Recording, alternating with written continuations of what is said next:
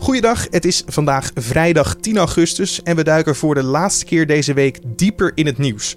Tegenover mij zit Midden-Oosten-expert Ruud Hof. Met hem bespreken we de Palestijnse en Israëlische situatie. Dit is de zomereditie van de Nu.nl Dit Wordt Het Nieuws podcast.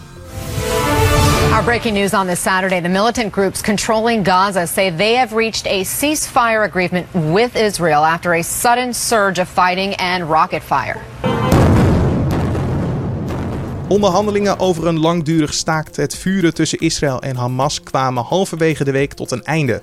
Woensdag gingen raketten en luchtaanvallen over en weer. Het is een conflict dat daadwerkelijk al tientallen jaren loopt. Volgens sommigen een van de lastigste conflicten in de wereld om op te lossen. Om een beeld van de huidige situaties en de voorafgaande geschiedenis te krijgen, spreken we met Ruud Hof.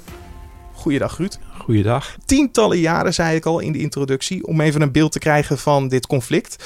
Wanneer begon dit Palestijnse-Israëlische conflict? Ja, het is moeilijk precies vast te stellen wanneer het precies begon, maar de Eerste Wereldoorlog, nou, dat is nu 100 jaar geleden, daar ligt eigenlijk het breukvlak. Hè? Want toen, uh, tot die tijd behoorde wat nu Israël-Palestina is, behoorde toen tot het Ottomaanse Rijk, het Rijk van de Turkse sultan. En na de Eerste Wereldoorlog, toen is het Turkse Rijk verslagen. En toen is het onder Brits bestuur gekomen, dat gebied. En de Britten hebben aan, tijdens de oorlog al aan, aan de Europese Joden toegezegd daar een nationaal tehuis te kunnen vestigen. Terwijl de Arabische bevolking die daar al woonde, daar bezwaar tegen maakte. Dus je kan eigenlijk zeggen, daar ligt eigenlijk al de wortel. Hè, dat het, het Britse gezag, het min of meer koloniale gezag wat daar gevestigd was, emigratie van Joden uit Europa toeliet. Ja, want zij waren op zoek naar een plek om zich te vestigen. Uiteraard. En die, die, die behoefte aan, aan veiligheid voor, uh, voor Joden uit Europa werd natuurlijk alleen maar groter in de jaren 30 en zeker de jaren 40 uh, door Nazi-Duitsland. Dat is duidelijk. Ja. Daar had natuurlijk de Arabische bevolking die daar woonde al in dat gebied, had er natuurlijk weinig boodschap aan. En die zag dat als indringers en beschouwde dat dus als een gevaar voor hun eigen bestaan. En daar zie je dus al het begin van het, uh, van het conflict, zou ik kunnen zeggen. Ja, het gaat natuurlijk dan verder dan alleen dat, want de Tweede Wereldoorlog kwam er dan weer bij. Ja, ja de Tweede Wereldoorlog is natuurlijk dramatisch geweest voor het Joodse volk. Mm -hmm. En de behoefte om een eigen staat te hebben voor de Joden was natuurlijk klemmender dan ooit. Dus toen heeft ook een groot deel van de wereld ook inderdaad gevonden van ja, daar moet een Joodse staat komen. Behalve natuurlijk de Arabieren, die vonden dat helemaal niet die, die zeiden als het ware, geef, die, de Joden maar een stuk van Duitsland. Wij zijn niet de daders van de, van de Holocaust. Maar goed, de wereld heeft toch besloten dat daar een Joodse staat moest komen. De Verenigde Naties hebben dat besloten. En in 1947, toen hebben de Engelsen gezegd, we gaan weg uit Palestina. We verlaten dat gebied. We laten het aan de VN over wat daar gebeurt. En ja, toen is, heeft dat onmiddellijk al geleid tot, een, tot de eerste grote oorlog, zou je kunnen zeggen. Die oorlog die heeft ertoe geleid dat aan de ene kant de staat Israël werd opgericht. En dat er aan de andere kant ook een enorme Palestijnse vluchtelingenstroom op gang kwam. Ja, want dat had te maken met de verdeling van het land. Welke ja. kant krijgt wie? En uiteindelijk had de VN daar dan het zeggenschap over. Ja, de VN heeft er de zeggenschap over geclaimd. En de, de Arabieren hebben dat aanvankelijk niet, ge, niet geaccepteerd. En ja, vandaar die oorlog, die in Israël de onafhankelijkheidsoorlog is gaan heten. Maar in de Arabische wereld noemen ze die de Nakba, hè, de, de, ramp. Want dat werd een grote Arabische nederlaag. Met al die vluchtelingen die daarbij kwamen en waar we nog steeds mee zitten voor een deel. Dat is ook weer de perceptie van beide kanten, inderdaad. Elke kant beschrijft deze oorlog dan weer anders. Een ramp of een oorlog, inderdaad. Hoe desastreus was die oorlog? Nou ja, die oorlog was natuurlijk ook weer hoe je het bekijkt. Hè? Voor Israël was het natuurlijk de verwezenlijking van een droom. Eindelijk hadden, had het Joodse volk weer een eigen staat. Al was het maar misschien op een deel van het grondgebied waar ze van droomden, maar toch, het was een eigen staat en de wereld steunde dat voor de Arabieren was dat een enorme belediging. Hè? Dat in het hart van de Arabische wereld, dat, uh, dat zich daar een, een, Europese bevolkingsgroep gevestigde die van plan was daar niet meer weg te gaan. Dat werd gezien als een vorm van kolonialisme. Bovendien lagen er ook nog voor alle partijen heilige plaatsen. Dat maakte het nog extra pijnlijk. Dat gaf die, die, dat conflict ook een beetje het karakter van iets onoplosbaars bijna. Ja, Jeruzalem bijvoorbeeld. Ja, Jeruzalem. Maar dat is niet de enige heilige nee. plaats. Er waren er meer. En uh, ja, daar is natuurlijk in de loop der, der jaren heel veel strijd om gevoerd. Ja, want in de verdeling was, ik, ik zei al, Jeruzalem was als een soort internationaal gebied gezien, of voor beide kampen. Ja, aanvankelijk was dat internationaal geclaimd, maar bij die oorlog viel dat voor een deel in Israëlische handen, het westelijk deel. Het oostelijk deel, dat was het belangrijkste deel, want daar lagen de heiligdommen, viel toen in 1948 in handen van Jordanië. Dat is een tijd lang onder Jordaans beheer gebleven daarna. Hoe is het daar daarna doorgelopen? Waar moet ik aan denken? Nou, dat heeft een jaar of twintig geduurd, tot de grote oorlog van 1967. Dat was een oorlog waarbij je eigenlijk drie, drie Arabische buurlanden, Syrië, Egypte, Jordanië en Israël, oorlog met elkaar voerden. En dat is uh, geëindigd in een grote Israëlische overwinning. Het heet de Zesdaagse Oorlog, dus dat is een overwinning in zes dagen tijd. En daarbij heeft Israël grote stukken grondgebied veroverd. Grote delen van die gebieden heeft Israël nog steeds in handen. En dat is een, een probleem waar we ook nog steeds mee zitten.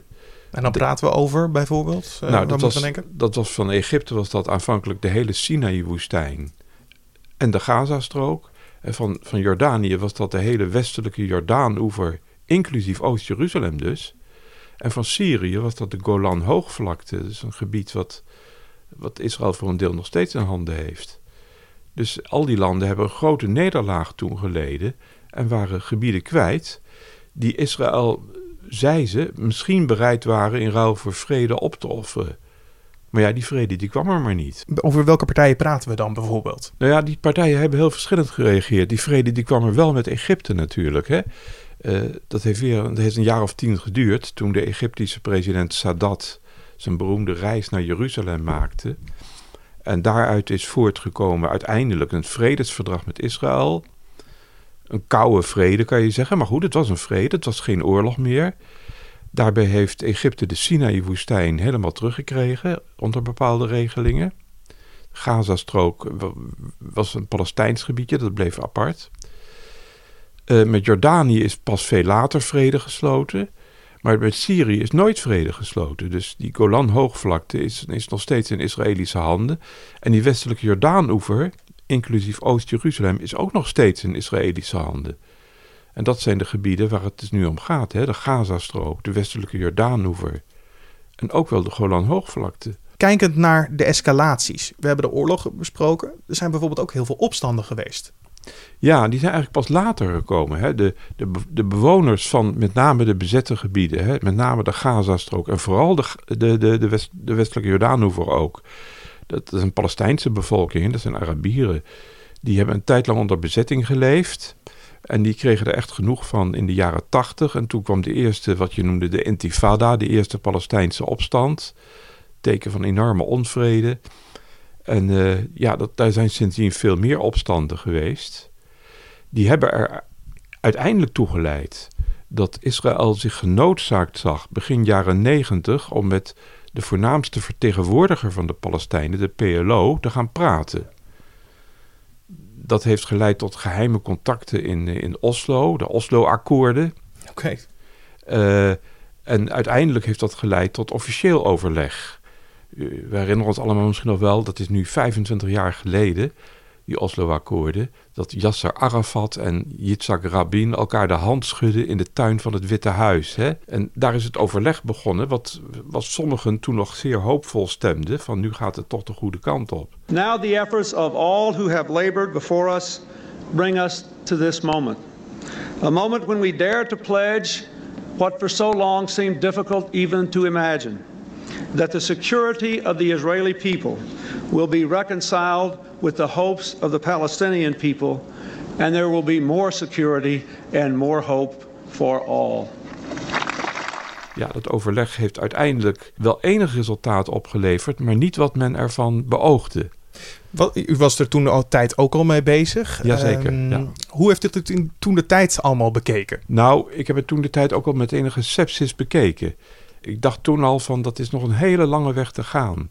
Maar het was een enorme doorbraak dat er überhaupt gepraat werd. Want dat was voor die tijd niet het geval. Dat was echt iets nieuws. Inderdaad. Dat was iets nieuws. En dat uh, het feit, die handdruk, daar werd uh, vaak, uh, er vaak de nadruk op gelegd. En terecht, denk ik, want dat betekent inderdaad dat Israël liet blijken. Wij, wij erkennen dat de Palestijnen ook rechten hebben. En de Palestijnen erkenden daarmee dat Israël toch ook een soort bestaansrecht had. Dat zat eigenlijk, achter die handdruk. Maar er waren zowel aan de Israëlische kant als aan de Palestijnse kant grote groepen die dat niet accepteerden. Aan de Palestijnse kant was dat de Hamas-beweging bijvoorbeeld. Hè, die zei van wij willen helemaal niet praten. Integendeel, we willen de strijd voortzetten tot we heel het verloren land terug hebben. Want hoe zit die verhouding dan? U zegt inderdaad, de grote leider had dan een andere optiek dan Hamas. Hoe zit dat in, in zijn werk? Ja, dat is moeilijk om dat precies vast te stellen. Maar destijds, toen Arafat nog leefde, was het duidelijk dat Arafat de meerderheid wel achter zich had. En sprak je dus van een, een, een islamitisch gemotiveerde, maar wel heel fanatieke minderheid. Die bereid was ook geweld te gebruiken. Dat hebben ze ook gedaan. Hè? Ja. Ik denk dat later Hamas toen ze gelijk kregen, min of meer, namelijk dat het vredesproces weinig opleverde, en zeker na de dood van Arafat, dat Hamas aan kracht gewonnen heeft. Dus meer aanhang heeft gekregen. Dus dat, eh, dat aan de Palestijnse kant de weerzin tegen die Oslo-akkoorden gegroeid is. Het werd met redelijk ongeluk werd het aangekaart. Uh, dit ja, is niet wat wij willen. Onder een slecht gesternte geboren zou je kunnen zeggen. Hè?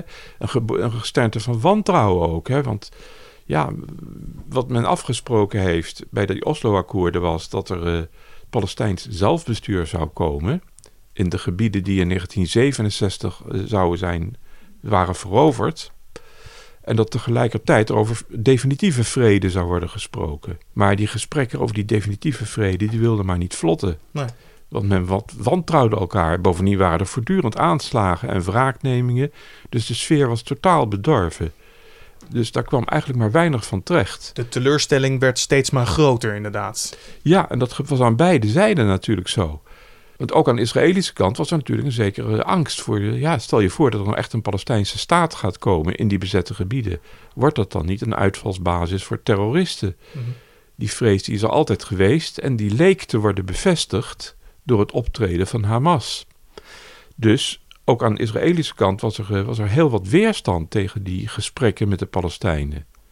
Nou ja, we weten het allemaal. Hè? Rabin is ook vermoord uiteindelijk door een, door een Israëli notabene. Hè? Ja. Daardoor klapte alles.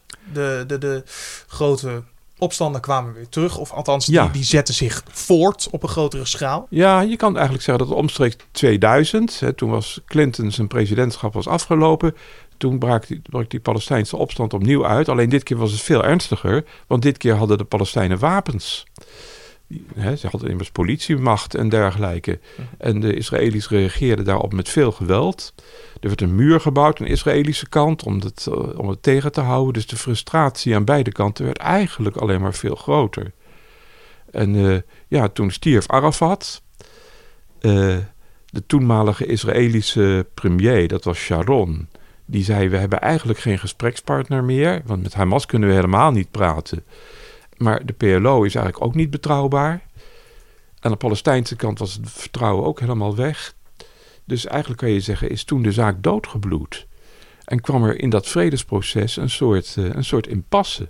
Maar dat kwam, u zegt, doordat er geen grote sprekers meer waren voor de natie? Of?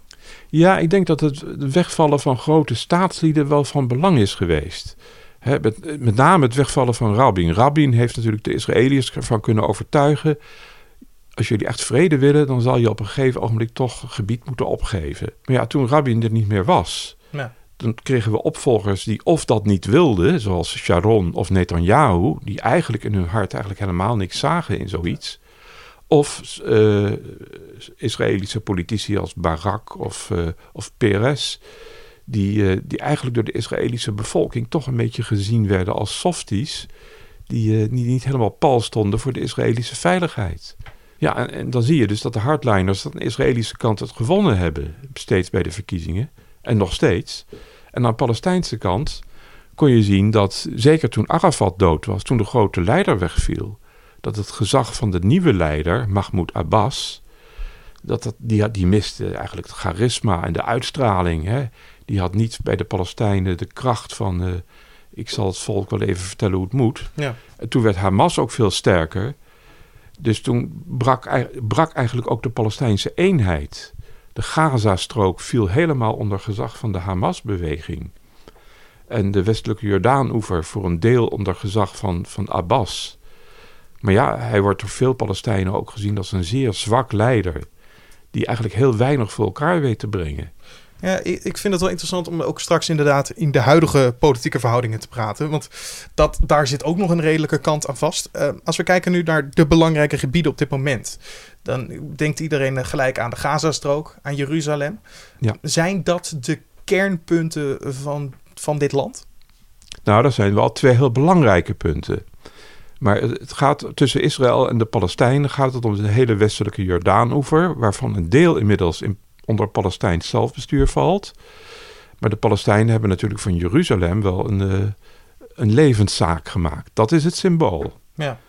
De Gazastrook is helemaal onder Palestijns gezag. Daar heeft Israël helemaal niet meer te zeggen. Dan zijn ze helemaal weg. Maar ja, dat is nu een uitvalsbasis voor, de, ja, voor die nogal extreem Hamas-beweging geworden. Met wie eigenlijk niet te praten valt. Nee, heel veel mensen kennen de Gazastrook vanuit berichtgeving van geweld en de ongelukken die daar gebeuren. Maar er zit een ander aspect aan vast. Nee, dat is het gebied van Hamas, zegt u. Ja, ja. nou ja, dit is, de Gazastrook is een buitengewoon tragisch gebied. Het is een heel klein gebied. Het is niet groter dan uh, pakweg het eiland Texel met een stuk van Terschelling erbij. Ja. En er wonen anderhalf miljoen mensen. Hutje, mutje op elkaar. En die mensen zijn, uh, hebben nauwelijks inkomsten. Het, zijn, het, grootste deel zijn het vluchtelingen uit, uh, en hun nakomelingen van eerdere oorlogen. Dus die zijn er allemaal slecht aan toe. Ze zijn allemaal zeer ontevreden en radicaal. En uh, dat is ook de achtergrond van hun huidige protesten bij de grens met Israël. Ze willen terug. Ze eisen terugkeer. Iets wat Israël natuurlijk nooit zal toestaan. Terugkeer naar Israël zelf. Ja. Dus uh, dat geeft een enorme spanning. Dat gebied is, uh, is, zeer geradicaliseerd. En daar is ook zo 1, 2, 3 geen oplossing voor te bedenken. De Hamas-beweging heeft in dat gebied op dit ogenblik de leiding in handen. Dat is een uh, gewapende beweging die zich door de islam laat inspireren. En die eigenlijk zegt: wij willen niet met Israël praten, maar we willen Israël van kaart vegen. We willen daar een, een islamitische republiek Palestina. Geen nuances in ieder geval. Geen nuances. Nee. Die nuances kent men op de westelijke Jordaanoever wel. Daar heeft de PLO het voor het zeggen, of de Fatah-beweging, zo je wilt, van, Yasser Arafat vroeger, nu van, uh, van Abbas die al met Israël praat, voortdurend al. Maar ja, daar komt helemaal niks uit verder. Dus dat blijkt eh, vast te zitten, dat overleg. Nee, ik beschreef inderdaad een vorm van aan het begin de escalaties die een probleem zouden zijn voor de vredesgesprekken op dit moment. Nou, waar nu over gepraat wordt, is alleen nog maar een bestand. Hè? Want laten we stoppen met vechten, dat is het enige. Ja. En dan nog niet eens rechtstreeks. Er wordt niet rechtstreeks gepraat tussen Israël en Hamas, want ze erkennen elkaar niet. Dus dat gaat via de Egyptenaren. Egypte bemiddeld. En uh, ze proberen met Egypte tot een soort afspraak te komen van laten we stoppen met gevechten. Dat is al moeilijk genoeg. Het staakt het vuur, inderdaad. Het staakt het vuur. Dat is eigenlijk waar het nu om gaat. Dat is de eerste stap. Uh, vredesoverleg gaat over iets anders. Dat gaat erover of, uh, of je op de duur ook het eens kan worden over een, een, verdeling van het land, een Palestijnse staat. En dan komen al die moeilijke vraagstukken aan de orde van wat doen we met Jeruzalem, wie krijgt dat? Wat doen we met al die Joodse nederzettingen die inmiddels in de, op de westelijke Jordaan-oever zijn gebouwd en waar inmiddels al tientallen jaren lang Joodse kolonisten wonen? Hoe gaan we het water verdelen? Om maar eens iets te noemen wat daar heel belangrijk is. Nou, er zijn, wat doen we met de vluchtelingen? Hè? Mogen die terug eventueel naar Israël of niet? En hoe regelen we dat? Er zijn enorm veel problemen nog op te lossen. Zijn er wel stappen in de laatste, bijvoorbeeld eh, pak een beetje tien jaar voor vrede genomen? Ja, er zijn een paar, eh, misschien een paar dingen te noemen. Misschien is dat wel, wel aardig om dat, om dat even te noemen. Dat is wel een tijdje geleden inmiddels. Er is van, van de Arabische kant is er uh, het plan van de, de toenmalige Saoedische kroonprins Abdullah is er geweest. Dat men namelijk bereid was om Israël te erkennen, alle Arabische landen, als er een Palestijnse onafhankelijke staat zou komen met Oost-Jeruzalem als hoofdstad en een rechtvaardige oplossing voor het, voor het probleem van de vluchtelingen. Die twee laatste punten waren voor Israël ja. onaanvaardbaar vooralsnog. Er is van, uh, van de kant van het uh, zogenaamde kwartet, dat is de Verenigde Naties, de Verenigde Staten, Rusland en de Europese Unie, is er een zogenaamde routekaart geweest destijds. Dat is ook alweer tien jaar geleden. En die zei ongeveer hetzelfde. Er moet een Palestijnse staat komen. Ze zeggen niks over Jeruzalem dan. Nee. En ze zeggen ook niks over die vluchtelingen. Die Palestijnse staat moet wel levensvatbaar zijn. En daar moet dan voor die vluchtelingen wel iets geregeld worden. En op basis daarvan moet er gepraat worden. Dus de internationale gemeenschap vindt dus wel dat er een oplossing moet komen. Maar ik, ik hoor maar, zeggen, Jeruzalem wordt niet besproken, vluchtelingen wordt dan, dan niet gesproken. Maar er wordt geen oplossing opgelegd. Nee, maar is dat dan niet, is dat dan wel een oplossing als je het zo beschrijft? Of is het niet alleen lucht? Ja, nou ja, kijk, de Verenigde Staten eh, hebben nu natuurlijk onder Trump nu, en dat is aardig of op, opmerkelijk, een, een, een soort zwenking gemaakt. Tot nu toe zeiden de Verenigde Staten altijd, daar moeten de partijen zelf over gaan praten. Moeten het onderling over eens worden en dan gaan wij het steunen. Dat is ook vaak het Europese standpunt geweest. Ja. Waarbij men officieel altijd zei: Jeruzalem, Oost-Jeruzalem, hoort eigenlijk niet bij Israël. Want dat is eigenlijk in 1967 veroverd. Dat was eigenlijk de houding van Europa. Kijkend naar wat is de hoofdstad inderdaad, uh, ja. Jeruzalem, Tel Aviv. Dus eigenlijk heeft volkenrechtelijk gezien, zo vinden de meeste Europese landen, vindt Nederland ook, hebben eigenlijk de Palestijnen een sterker argument. Maar goed, Israël zegt we hebben het in handen en we geven het nooit meer op, want daar ligt het centrale heiligdom, hè, de Tempelberg met de Joodse tempel. Dus dat is. En dat beschermen we. Dat beschermen we. En waarom zouden we het opgeven? Want we hebben het al. Ja. Nou, nu is er dus in de Amerikaanse houding, in de houding van Trump, is er een verandering gekomen. En dat is waarom dat ook zoveel stof heeft doen opwaaien. Today we officially open the United States Embassy in Jerusalem. Congratulations. It's been a long time coming. De Amerikanen hebben nu gezegd: wij gaan onze ambassade verplaatsen van Tel Aviv naar Jeruzalem. Een gebouw net op de grens van Oost- en West-Jeruzalem.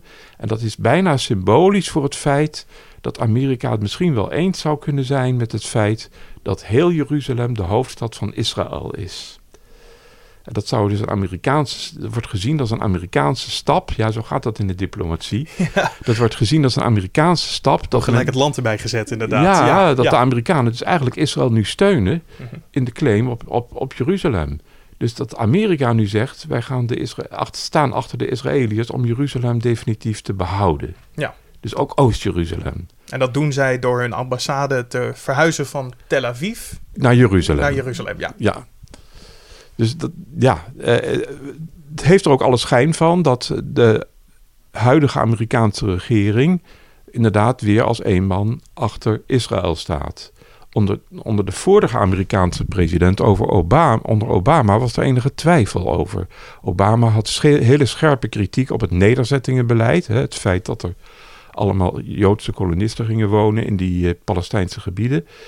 Uh, daar houdt Trump ook zijn mond over. Ja.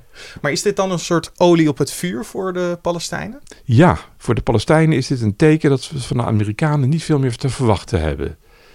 En dat, dat zie je ook in de protesten die in de Gazastrook juist nu oplaaien. Dan zie je ook dat ook de Amerikanen ook de schuld krijgen. Die krijgen trouwens vaak de schuld, maar in dit geval weer. Vlaggen worden verbrand, inderdaad. Alleen de ja. beeldenis van Amerika, inderdaad.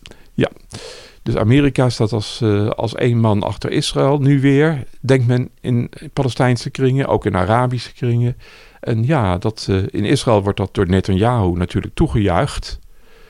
Dat zien we trouwens ook in, de, in het feit dat uh, Netanyahu zegt... wij worden bedreigd door Iran. En dat is iets waar, waar, Netanyahu, of waar Trump het ook heel erg mee eens is. De Iran-deal komt er dan bij, inderdaad. Het, het, loslaten daarvan. Ja, dus je ziet dat, dat inderdaad de Amerikanen duidelijk de Israëlische kant aan het kiezen zijn. Duidelijker dan tevoren. En dat maakt hun rol als bemiddelaar in dit conflict ook moeilijker, denk ik. Nou, los van alleen uh, de beslissingen die genomen worden. Het is natuurlijk ook belangrijk voor de inwoners van het land. Hoe kijken zij hiernaar? Krijgen zij bijvoorbeeld het hele verhaal te zien? Kijk het naar uh, gekleurde berichtgeving bijvoorbeeld. Ja, nou tegenwoordig is het zo dat er, er zijn zo ontzettend veel media. En zeker ook in die Palestijnse gebieden is, is, is, is alles te bereiken. Dat ze overal wel van kennis nemen. Men ontvangt er ook gewoon de Israëlische media. En ook de eigen Palestijnse media. En men krijgt dus de verschillende meningen wel te horen. Mhm. Dus ik denk dat men daar wel vrij goed van op de hoogte is van wat er allemaal gaande is. Dus niet dat de ene kant van het land het op deze manier beschrijft en de andere kant van het land beschrijft op die manier. Jawel, natuurlijk er zijn er heel gekleurde beschrijvingen. Precies. Hè, ik bedoel, de, de, de radiozender van Hamas die heeft een heel ander verhaal dan de, de Israëlische radio, zeg maar, uiteraard. Maar als je ze allebei hoort, dan, ja, dan kan je je van ongeveer afvragen van hoe zit het ongeveer. En daar is inderdaad ruimte voor, inderdaad. Dus als jij dat wil, dan kan je het binnen het land kan je dat opzoeken. Ja, alleen er is natuurlijk onder de bevolking wel een hele hoop uh, frustratie. Want ze zijn natuurlijk al tientallen jaren nu onder, leven ze onder een vorm van bezet. De Palestijnen leven onder een vorm van bezetting. Ze zien dagelijks om zich heen die roadblocks. Als ze van de ene stad naar de andere willen, moeten ze hun, worden ze bijna uitgekleed, zou je kunnen zeggen. Uh, transport van groenten en, en dat soort dingen is lastig. De welvaart gaat, is slecht. En er is veel corruptie. Dus er is heel veel onvrede. Natuurlijk wil men graag een vredesverdrag en wil men graag een eigen staat. Maar de uitzichten daarop zijn op dit ogenblik eigenlijk minimaal. Aan de Israëlische kant heerst er ook het idee van... ja, we kunnen moeilijk met de Palestijnen op dit ogenblik vrede gaan sluiten... want het is allemaal zo onzeker in de regio. de hele Arabische wereld is in wanorde. Onze veiligheid is in het geding. Dus we kunnen maar beter even zo laten zoals het is. Ja, want dit is een facet ervan. U beschreef net ook al Syrië inderdaad. Het, het, is maar een spel daarvan. Ja, ja dus aan de Israëlische kant. En daar krijgt Netanyahu natuurlijk de handen voor op elkaar. We worden bedreigd van buiten, dus we kunnen nu geen stap terug doen. Ja. Laten we het alsjeblieft zo houden. Dus veel uitzicht op vooruitgang in die onderhandelingen is er op dit ogenblik... Uh, is er op dit ogenblik niet. Nee, daarom beschrijven we het inderdaad niet als wat misschien van tevoren wel werd gedaan als Midden-Oosten conflict, maar van een Israël- en Palestina-conflict omdat je het anders ook Iran en Syrië er eventueel bij zou nemen. Nee, ja. het is echt alleen specifiek hierop. U zei het al, het is een lastig aspect om over vrede te praten en of dat er ooit gaat komen. Zijn ze er wel bereid uh, voor om ooit tot vrede te, te, gaan? Ja, de meeste partijen zeggen van wel, natuurlijk. Maar uh, als, uh, het gaat natuurlijk allemaal onder welke voorwaarden ben je bereid om tot vrede te komen. En dan zien we aan beide kanten dat er uh, meningsverschillen zijn. Aan de Israëlische kant is de huidige meerderheid, dus zeg maar de regeringspartijen die nu aan de regering zijn, zijn van mening dat, uh, dat er misschien een Palestijnse staat kan komen, maar dan wel minimaal, heel klein en pas veel later. En liefst onbewapend. Ja. Dus zo klein mogelijk, geen risico nemen. Er zijn in Israël ook wel partijen, die zitten niet in de regering, die zeggen we moeten iets grotere gebaren maken. Dus er is wel meningsverschil aan de Israëlische kant. Aan de Palestijnse kant is dat meningsverschil nog scherper, want dan zie je de Hamas-beweging die zegt: ja, we willen eigenlijk toch, als het erop aankomt, dat heel, heel Israël verdwijnt. En dat er een hele grote Palestijnse staat komt, dat het één staat wordt. Uh, ja, dat is iets wat natuurlijk aan de Israëlische kant onaanvaardbaar is. Precies. Uh, maar de, de Fatah-partij, dus de partij die het voor het zeggen heeft op de westelijke Jordaan-oever met Mahmoud Abbas, die zegt toch nog steeds: wij willen het twee-staten-model. We willen Israël accepteren, zoals het nu ongeveer is, maar in de gebieden die in 1967 bezet zijn, de Gazastrook en de westelijke Jordaan-oever, willen wij een eigen aparte Palestijnse staat. En dan gaat het erom, dat ja, dan moet Oost-Jeruzalem wel de hoofdstad worden. En dan moet er voor die vluchtelingen ook iets geregeld worden. En wat doen we dan met die nederzettingen allemaal, die te midden van die Palestijnse staat zouden bestaan? Daar moet ook iets voor geregeld worden. Dus er zijn allerlei struikelblokken op die weg. Uh, en men zegt dan aan de Palestijnse kant, ja, men wil natuurlijk vrede, maar we willen wel dat de Israëli's dan behoorlijk wat gas terugnemen. En zover is het niet. Eigenlijk is het totaal niet met zekerheid te zeggen wat er in de toekomst gaat gebeuren. Nou, op dit ogenblik kan je zeggen dat de Palestijnen betrekkelijk geïsoleerd staan. want Israël wordt duidelijk door de Amerikanen gesteund. En de Palestijnen krijgen eigenlijk nauwelijks meer steun van buiten. Vroeger was het de Arabische wereld die de Palestijnen massaal steunde. Mhm. Maar de Arabische wereld heeft nu zijn eigen zorgen. Het is een hele opgesloten situatie geworden. Het is een opgesloten situatie geworden. En uh, ja, men, de Arabische landen willen liever ook die Palestijnen niet meer. En de Russen willen daar ook liever niet meer mee te maken hebben. Dus eigenlijk zitten die Palestijnen opgesloten en weten ze dat ze van buiten weinig steun te verwachten hebben. En dat is natuurlijk een situatie waarin ze soms ook naar het, dat doet de Hamas-beweging bijvoorbeeld, grijpen naar het wapen van de wanhoop Hè, geweld. Geweld, bommen. dat wordt dan weer met nieuw geweld door Israël beantwoord. Wat ze nu en dan weer escaleert. En wat toch een gevaar in zich draagt van ja, nieuwe escalaties en oorlogen. Geen positief beeld in ieder geval. Nee, helaas kunnen we hier niet erg positief over zijn. Ik denk ook niet dat een, dat een echte oplossing uh, zo 1, 2, 3 te bedenken is. Dat willen we wel graag natuurlijk altijd. Dat wil ik ook graag. Ja. Maar ik denk dat het best haalbare op, op enige termijn zou kunnen zijn dat de situatie verbetert.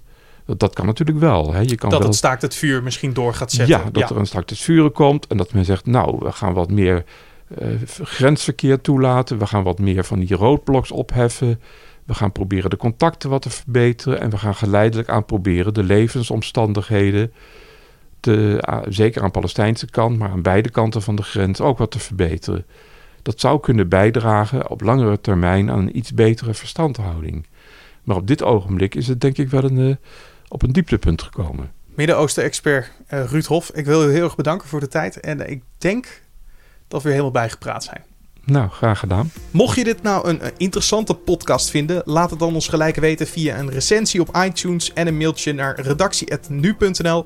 En onder opbouwende of leuke reacties verdelen wij ook nog eens een keer nu.nl goodies. Dus doe dat vooral. Let op, dit was ook de laatste middagpodcast voor de zomer. Vanaf aanstaande maandag is de Dit Wordt Het Nieuws podcast weer te beluisteren vanaf 6 uur ochtends. Oftewel een fijn weekend en tot maandagochtend.